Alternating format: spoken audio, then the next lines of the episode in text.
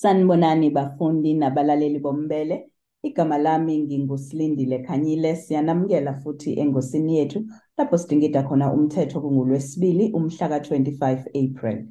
Inkantolo yase-Scottburgh ihlawulise isaphi u-8 million rand ngenxa yokuphula i-National Environmental Management Equality Act ngokweqa isikali esibekiwe sokukhiqiza i-sulfur dioxide e-Sycamore eMkhomazi KwaZulu-Natal. Le nhlawulo ilengisiwe. Nokho le nkampani egaya iphepha kuthiwe ayikhokhe i-confiscation order ehlukaniswe kwaba u-5 million rand ozoya kumasipala no-3 million rand ozoya kwi-criminal assets recovery account.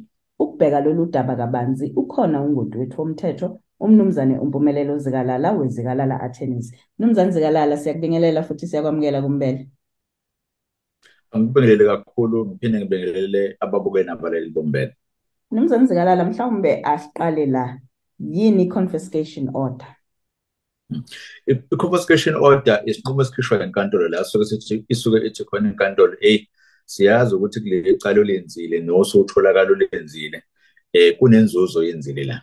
Asifuni-ke ukuthi siloke siphikisana akusinikeze leyo nzuzo yenzile noma inani lakhona.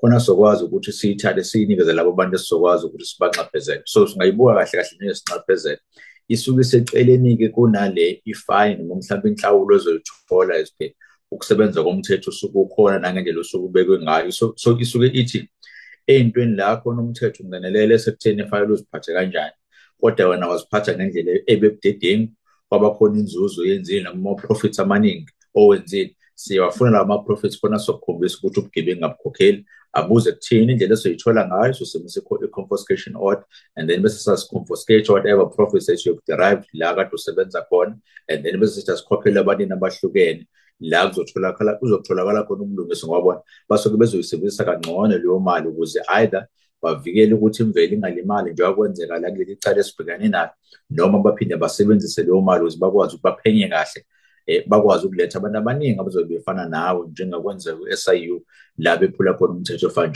ofana njengale Equality Control Act.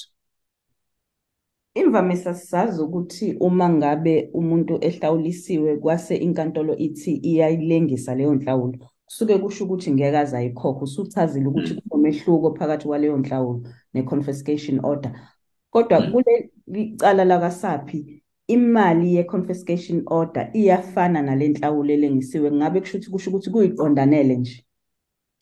Singasho kanjalo ukuthi kuyiqondanele kodwa uzothi uma usubheka kumthetho lo esikhuluma ngawo uthi either sikuthumela ukuthi hamba uye ejele noma sithi hamba uyokhipha inani elingango-5 million if kuwukuthi bokuqala uyenza le process noma ukuqala uphuya lo mthetho noma kube u-10 million uma ngabe kuwukuthi hayi engathi wena usuyaphinda usuze kwesibili la.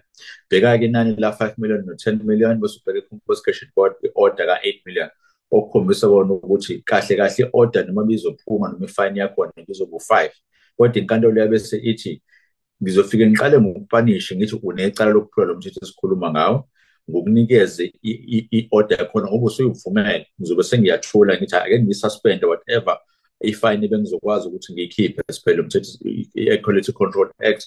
Kodwa in addition ngizobe sengikhipha-ke i-confiscation order-ke manje ka-8 million okuyiyona ngifuna ukuthi ngifuna ukuyothatha leya nzuzo ekade sikhuluma ngayo. So kuyiqiniso impela ukuthi yebo ikhona i-order ekhona against them eshoyo ukuthi hayi ninecala kodwa isuspendiwe ukusebenza kwawo kumile uma kuwukuthi bekuzohambisana kokubili bekuzoba either 5 or 10 million depending ngokuthi bayaqala nokwenza noma bayaphinda yini.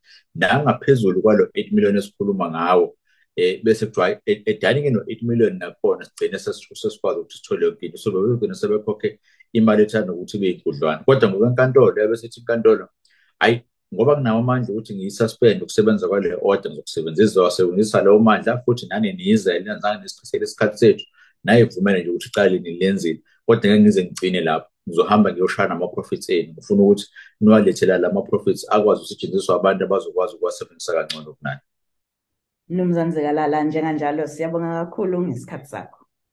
Kubonga mina kakhulu nibe nosuku oluhle.